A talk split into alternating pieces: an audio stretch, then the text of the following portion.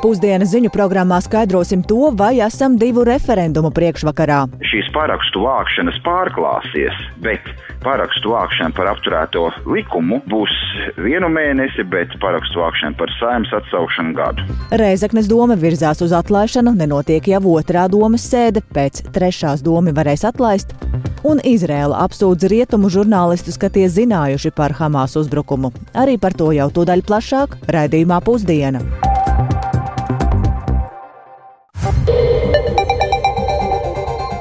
12,5 minūtes ēterā 10. novembra raidījums pusdiena ar plašāku skaidrojumu par šodien būtisko studijā Dāce Pēkšēna. Labdien! Un sāksim ar to, ka aizliegtu vienošanos par piena cenām tirgotāju vidū nav. Tā plašā cenu izvērtējumā ir secinājusi konkurences padome. Tas, pie kā ir nonākts, ka mazumtirgotāji uzrauga viens otru cenas un tās pielāgo. Vienlaikus dažādu piena produktu, to starp siera un skābā krējuma ražošanas un tirzniecības posmos cenu izmaiņas ir notikušas novēloti un neproporcionāli. Bet vairāk ko tad konkurences padome ir secinājusi, lūkšu pastāstīt kolēģi Jāni Kīnci, ar kuru šobrīd esam sazinājušies tiešraidē. Sveiks, Jāni! Sveika, Dārts! Sveicināti klausītāji! Jā, konkurences padome pētījumā apkopojusi datus par tirgu un cenām no 27 mazumtirgotājiem, 40 piegādātājiem, kā arī zemnieku saimniecībām, lai izsekotu uh, produktu cenu veidošanai. Citējot no govs līdz veikala plauktam.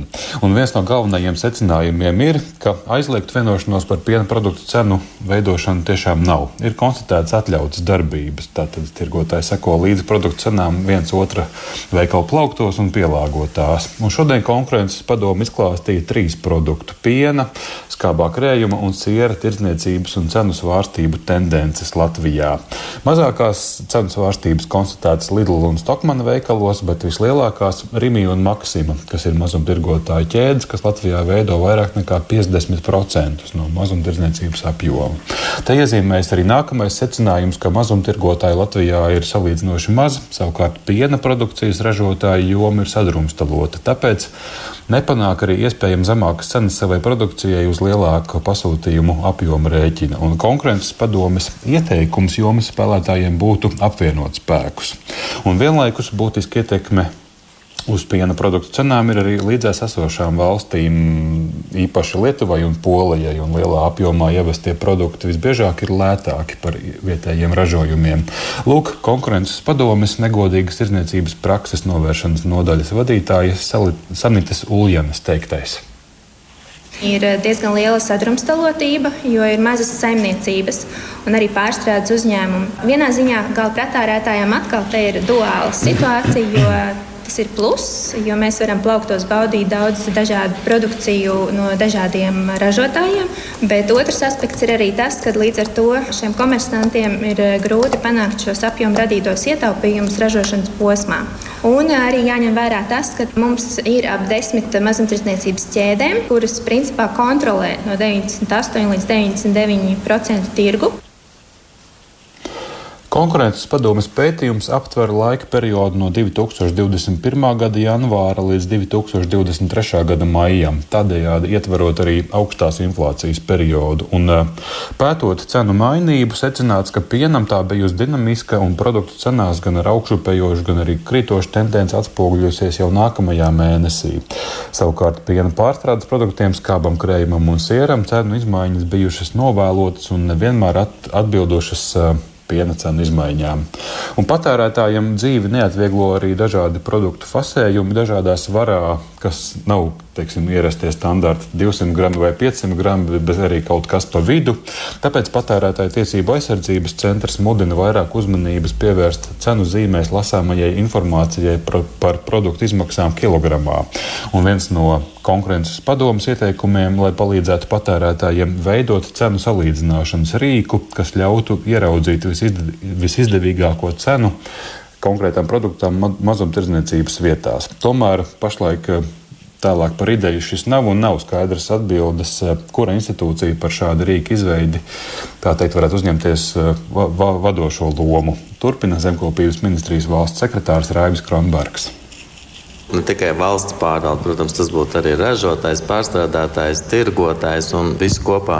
Tikko svaigas arī reklāmas kampaņas vai rullīšas mēs dzirdam par augļiem un dārzeņiem. Nu, šīs kampaņas vai šos saukļus izvēlēsimies vietējo produktu, to izdarīja pašas organizācijas. Noteikti zemkopības ministrija kaut ko savās iespējamās Eiropas programmās var izdarīt.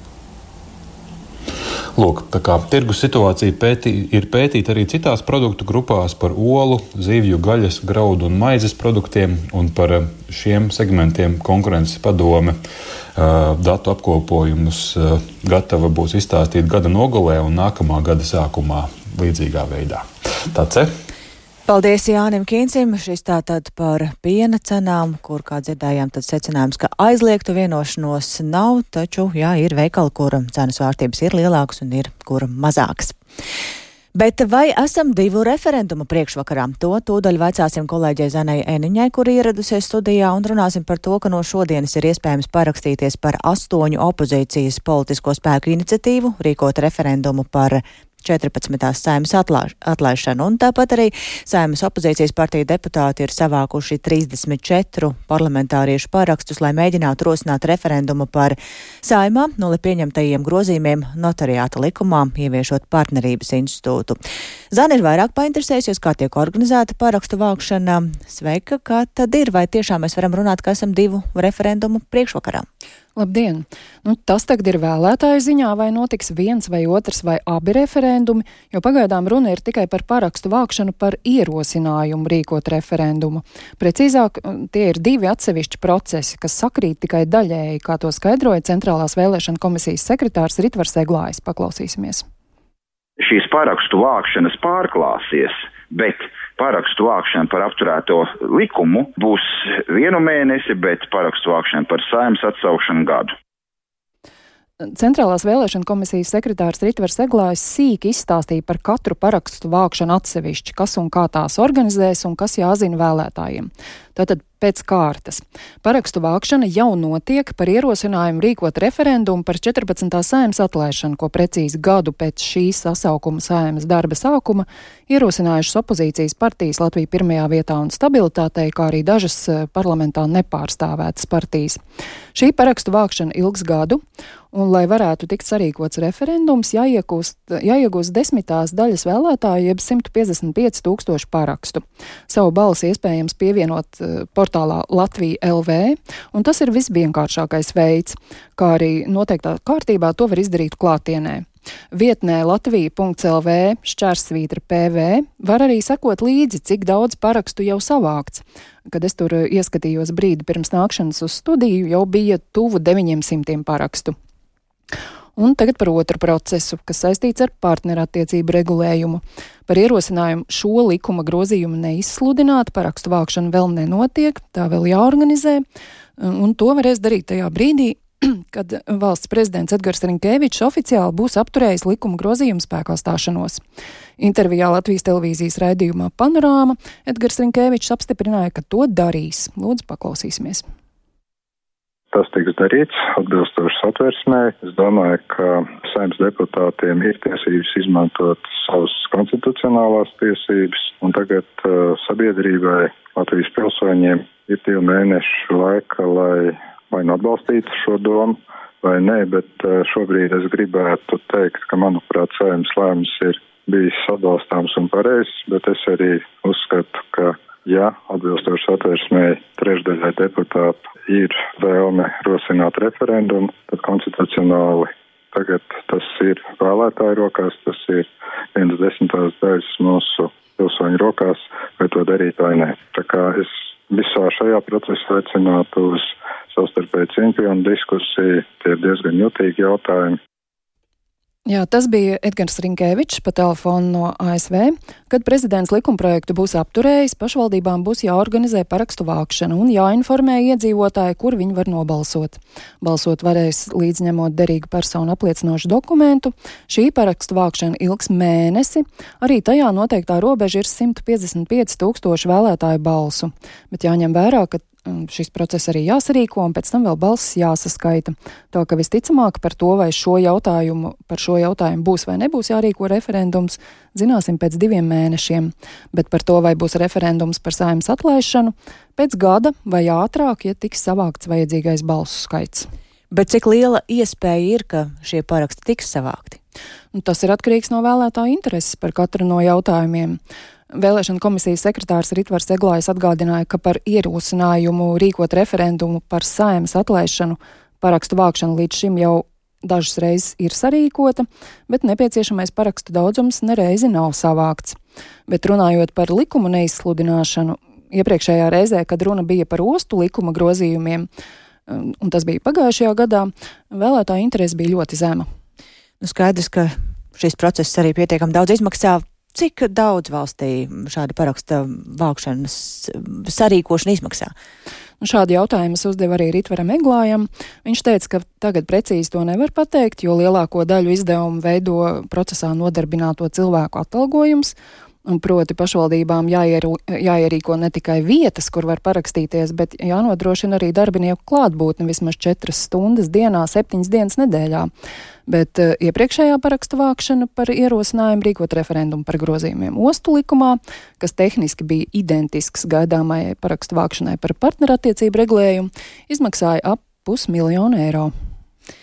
Paldies Zanai Eniņai par šo skaidrojumu. Mēs turpināsim sekot līdz kā opozīcijai sokas ar iniciatīvām par referendumu rosināšanu, bet jautājums ir arī par Rēzeknes domas tālāko likteni. Šodien jau otro reizi kvoruma trūkuma dēļ nenotika Rēzeknes domas sēde, jo uz to ieradās tikai četri no 13 deputātiem. Likums paredz to, ka tuvāko trīs dienu laikā vietvarē par to ir jāziņo vides aizsardzības un reģionālās attīstības ministrijai, un šobrīd Tāpēc esam sazinājušies ar Latvijas radio Latgales studijas korespondenti Madaru Bērtiņu, kuras seko līdzi šodienas notikumiem. Sveika, Madara, un saki, vai tas nozīmē, ka varam runāt, ka Reizeknas doma virzās uz atlaišanu?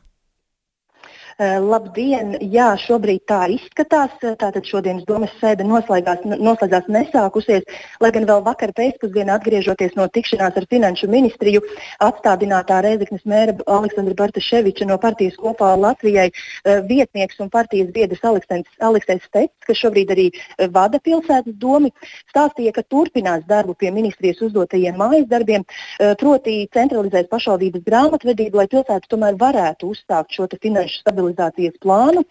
Šis plāns šodien bija jāapstiprina domai, taču, kā zināms, tas nenotika. Līdz ar to uh, sanāk uh, tāda kā pretruna, jo no vienas puses partija kopā Latvijai uh, vaino ministriju, ka tā kavē, apzināti kavē šo finansiālās palīdzības piešķiršanu, taču no otras puses pati partija, kas veido domas vairākumu, paši nesenāk uz domas sēdi, lai apstiprinātu savu izvirzīto plānu. Paklausīsimies, ko saka pats Aleksis Stets.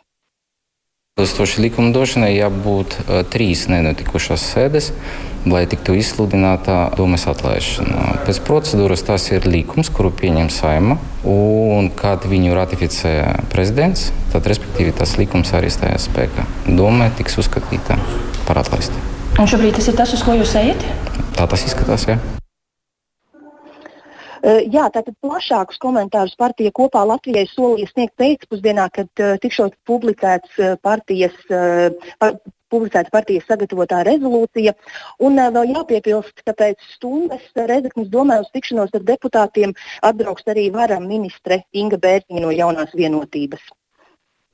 Paldies kolēģei Madarai Bērtiņai no Latgales studijas izstāstot mums tātad jaunāko no Reizeknes un, kā dzirdējām, tad jau pēc stundas ir paredzēta arī tikšanās ar um, ministri. Bet pievēršoties ārvalstu notikumiem, tad um, Izraela ir apsūdzējusi vairāku rietumvalstu ārštata žurnālistus gāzes joslā, ka tie varētu būt iepriekš zinājuši par Hamas 7. oktobra uzbrukumu Izrēlai. Mēdī to noliec, uzsverot, ka šādi izteikumi apdraud žurnālistu drošību gāzes joslā, tikmēr Izrēla katru dienu sākšot sākot īstenot četru stundu pārtraukumus militārajās operācijās Gāzes ziemeļa apgabalos, lai varētu sniegt humāno palīdzību un ļautu civiliedzīvotājiem bēgt. Tiesa aicinājumu uz pamieru joprojām tiekot noraidīti un plašāk stāsta Rihards Plūme. Izraēlas komunikācijas ministrs Šlomo Karhī vēstulē telekanālam CNN, aģentūrai Reuters, laikrakstam New York Times un aģentūrai AP prasījis paskaidrojumus par ziņojumiem, ka šo mediju žurnālisti esot bijuši kopā ar palestīniešu grupējuma Hamas teroristiem iebrukuma laikā un pārraidījuši notiekošo tiešraidē. Ziņas par to sākotnēji parādījās projekta Honest Reporting sociālajos tīklos. Honest Reporting sevi raksturo kā organizāciju, kas cīnās pret mediju dezinformāciju par Izrēlu. Ministrs vēstulē raksta: Rakstu jums ar dziļām bažām par nesenajiem ziņojumiem par jūsu darbinieku iespējamo līdzdalību traģiskajos notikumos Izraēlas dienvidos. Esam uzzinājuši, ka daži jūsu organizācijas darbinieki, tostarp fotografi, iepriekš zināja par šīm šausminošajām darbībām un iespējams bija kontaktējušies ar vainīgajiem. Attiecīgie rietumvalstu mediji apsūdzības noliedz un apgalvo, ka par gaidāmo uzbrukumu iepriekš nav zinājuši.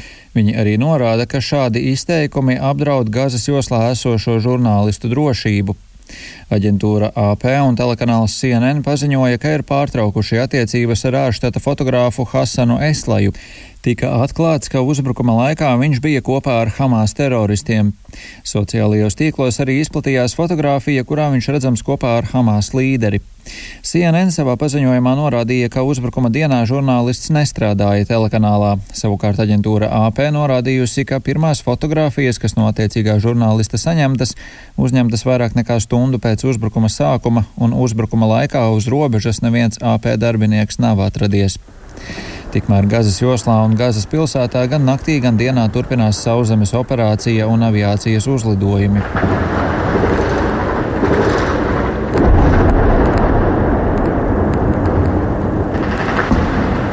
Operācijas laikā tiek ziņots par intensīvām kaujām ap divām lielākajām slimnīcām Gazā.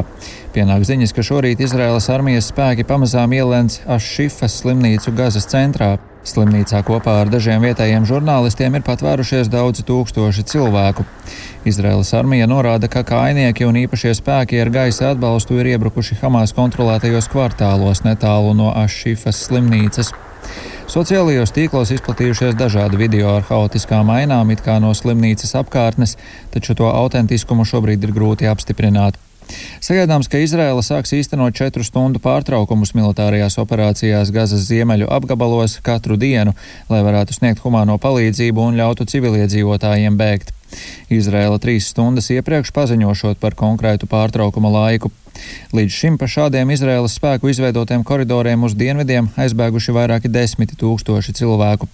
Tikmēr Turcija un ASV apspriedušas, kā panākt, ka Gazas joslā iekļūst lielāks skaits kravas auto ar humāno palīdzību. Valstis cerot panākt, ka ikdienu Gazas joslā iebrauc 500 kravas automašīnu. Rihards Plūme, Latvijas radio. Un atgūt savu vēsturisko elpu ne tikai izskatā, bet arī cilvēku prātos. Tas šodien izskanēja iepazīstinot plašāk ar paveiktajiem labiekārtošanas darbiem uzvaras parkā. Tie tuvojoties finišam un pirmo kārtu ir plānots pabeigt jau šogad. Taču jau rīt, 11. novembrī, parkā ir paredzēts Lāčplēša dienai veltīts pasākums. Kā Rīgā uzvaras parks šobrīd izskatās, to vislabāk zinās pastāstīt kolēģi Agnija Lāsdeņa. Viņa tikko no turienes ir atgriezusies un pievienojas man studijā. Sveika, Agnija! Kas ir tās, ko tu pati novēroji un ko tu uzzināji? Labdien! Jāatgādina, ka savu nosaukumu uzvaras parks ieguva 1923. gadā par godu uzvarai par Bermuda karaspēku atbrīvojot Rīgu, un šogad tiek svinēta parka nosaukuma simtgade. Daudzi klausītāji noteikti atceras, ka pagājušā gada augustā nojauca parkā tā saukto uzvaras pieminekli, pēc kura nojaukšanas sākās darbs pie parka labiekārtošanas. Un, nu, lūk, ap, apmēram četru mēnešu laikā parks ir patiesi ļoti izmainījies, un, godīgi sakot, tā uzreiz pat ir grūti apjaust to kādreizējo izskatu šai vietai. Tiesa labiekārtošanas darbi joprojām turpinās, un tā ir arī tikai pirmā kārta, taču jau tagad tur ir daudz ko redzēt, kā piemēram neliela ūdens tilpa, kura ir izbūvēti soliņi un tiltiņi, plānots labiekārtot arī tās krastu, ir radīts slēpošanas vai skrituļošanas celi, celiņš viena kilometra garumā, kas nekrustojas ar gājēju celiņiem, izveidojot tiltus un tuneļus. Tāpat ir daudz apstādījumu, dažādi koki, krūmi, piemēram, būs daudz tieši sakuru. Vēl eh, paredzēts izbūvēt arī šūpoles, smilšu kasti, izvietot galda ten, tenisa un dambratas galdus, eh, ielu vingrošanas elementus. Tātad tur ir un vēl būs daudz ko redzēt. Kopumā ar papildu darbiem, kas sākotnēji netika paredzēti, pirmās kārtas projekta summa no finansiālās puses ir izaugusi līdz aptuveni 8,5 miljoniem. Un, kā norāda Rīgas domas vicemērs Edvards Ratnieks no Nacionālās apvienības, uzvaras parks iegūst jaunu veidolu, atgūstot arī savu vēsturisko jēgu. Šim parkam ir ļoti svarīgi atgūt savu vēsturisko elpu, ne tikai izskatā, kā mēs to redzam, bet arī cilvēku prātos. Mēs redzam, ka lielie darbi ir noslēgušies, kādi sīkumi vēl paliks vēl pat līdz pavasarim, bet nu, tās lielās lietas ir gatavas un cilvēki ir aicināti nākt, atpūsties, baudīt brīvo laiku, slēpot, vasarā skrituļot vai braukt ar velosipēdu, nākt gulēt šeit zālītē, vienkārši pavadīt savu brīvo laiku un priecāties par to, kas mums kāda vide mums ir apkārt ir darīts viss, lai parku iedzīvotājiem nodrošinātu visa gada garumā. Tā uzsver arī Rīgas domas īpašuma departamenta direktors Vladimirs Ozoliņš. Līdz šim šeit parkā nav padomāts par bērniem. Tagad par to ir gan smilškastes, gan šūpoles, gan arī citas aktivitātes. Šajā parkā būs arī iespēja atpūsties tiem, kuri vēlās aktīvāk, sportiskāk pavadīt savu brīvo laiku. Kā arī senioriem šeit arī būs iespēja mierīgā ceļā pabaudīt, apsēsties, paskatīties uz ainaviskām skatiem, kas iepriekš šeit nekad nav bijuši. Šeit mēs redzam trīs unikālus tuneļus, kas Latvijā parkos principā nav nekur. Šajā parkā ir parādījušies jauni divi tilti. Droši vien, ka mēs neizvairīsimies no tā, ka šos tiltus arī izmantos kāzinieki jau tuvākajā pavasarī, kad šeit viss zels un plauks. Mūsu parkā parādījās arī unikāla vieta, kā ainaviskais skateparks, kurš arī ir principā Ziemeļ Eiropā neatkārtojams. Nākamajā gadā jau tad plāno ķerties klāt pie otrās kārtas, kur par idejām, proti, ko parkā būvēt un veidot, varēs balsot arī paši rīdzinieki. Bet runājot par pasākumu, tad jau rīt parkā norisināsies Lāču pleša dienai veltīts pasākums ar nosaukumu Rīgas sardzē uzvaras parka nosaukumam 100, kur pasākuma apmeklētāji varēs sildīties pie uguns, kuriem būs pieejami karstie dzērieni un arī zupas virtuve, tostarp arī klausīties koncertu. Tas tā par jauno atjaunoto uzvaras parku īsumā plašāk jau dzirdēsiet programmā pēcpusdienā. Paldies Agnijai Lazdiņai, tātad tas par uzvaras parku Rīgā. Bet, lai cilvēki ar kustības traucējumiem varētu pilnvērtīgi iesaistīties sabiedriskajā dzīvē, ir ļoti svarīga pielāgota vide, un šajā ziņā tālāk nāk arī Eiropas Savienības atveseļošanās fonda nauda, kopā nepilni 5 miljonu eiro, un nauda paredzēta gan mājokļu iekšējās, gan arī ārējās vidas pielāgošanai. Projektā, kurā varēs palīdzēt vairāk nekā diviem ar pussimtiem cilvēku, ir iesaistījušās arī vairākas Latgales pašvaldības, un par to, kā tām sokas, tad vairāk Silvijas smagaras ierakstām. Latvijā kopumā mājokļu pielāgošanai cilvēkiem ar kustību traucējumiem no Eiropas Savienības atvesļošanās un noturības mehānisma paredzēti 4,7 miljoni eiro. Par šiem līdzekļiem atbalstu var saņemt 259 personas, tostarp arī Latgalē, kur projektu iesaistījušās vairākas pašvaldības. Piemēram, Rezeknē pieteikuma iesniegšana jau ir noslēgusies. Uz atbalstu pretendē sešas personas. Te divos gadījumos paredzēts ierīkot liftu, kā arī pielāgot piebrauktuves, uzstādīt kāpņu pacēlājus. Viens pieteikums saņemts Augstdagavas novadā. Pagastos iedzīvotājiem, kuriem ir ratiņkrēsls, aptuveni katrā pagastā ir pa vienam, diviem. Daudz dzīvokļu mājā, vai nu tas ir privātajā sektorā, bet palīdzība ir vajadzīga. Cilvēkiem ar kustību traucējumiem, kā stāsta novada sociālā dienesta vadītāja Anna Jagareva, piekļūstamība savā dzīves vietā ir vitāli svarīga. Lai būtu viegli izbraukt no mājām, iebraukt vienam pašam, nevienam neatbalstot un nepalīdzot, tā neatkarība jūtama tam cilvēkam. Šis atbalsts ir iespēja iedzīvotājiem vecumā no 15 līdz 63 gadiem ar invaliditāti, bez maksas uzlabot piekļūstamību savā dzīves vietā, lai varētu iesaistīties sabiedriskajā dzīvē, piemēram, doties uz mācībām, darbu vai citās gaitās. Es mācos interjera dizainus, arhitektūra, tehnikas, divas gadus tur un tur. Tagad divas gadus grāmatveidu būvēžu. Oksana Krišjāne, kā sociāli aktīvs cilvēks, vada automašīnu, glezno, apmeklē kursus Uzzinot par šādu iespēju saņemt atbalstu mājokļa pielāgošanai, uzreiz tam arī pieteikusies. Lasīju avizes novada, un tur bija rakstīts, kā var pieteikties projektam. Līdz šim viņa paša spēkiem, ko viņi ir izdarījuši, palīdzot mammai, meitai, nobraukt tuvējā pandus, e, kuru jāatremontē, un arī iebrauciens garāžā. Bieži braukā uz kursiem, meklē darbiņu, nav tā, ka viņa sēdēt un padotos liktenim. Aksana ir cīnītājs. Arī Dāngāpils valsts pilsēta īsteno šo Eiropas Savienības projektu. Turklāt arī pati Dāngāpils pašvaldība jau vairākus gadus īsteno savu finansēto programmu vides piemības uzlabošanā. Ar valsts atbalstu lokus, kam vides piemība pilsētā uzlabosies, kļūs vēl lielāks, un Dāngāpilī pieteikšanās šim Eiropas Savienības atvesļošanās un noturības mehānismam vēl turpinās līdz 17. novembrim. Tad sekos pretendentu izvērtēšana un konkursu darba veikšanai. Silvijas Magare, Latvijas radio studija Latgalē. Un ar šo stāstu izskan raidījums pusdiena, ko producēja Lauris Zvēnieks, ierakstus montēja Renārs Steimanis par labskaņu rūpējās Rīta Karneča un ar jums sarunājās Dāca Pēkšēna. Raidījums pusdiena ir atrodams arī Latvijas radio mobilajā lietotnē. Tur ir jāieraksta dienas ziņas, lai varētu mūs klausīties, un tāpat arī Latvijas radio ziņām var sekot LSMLA.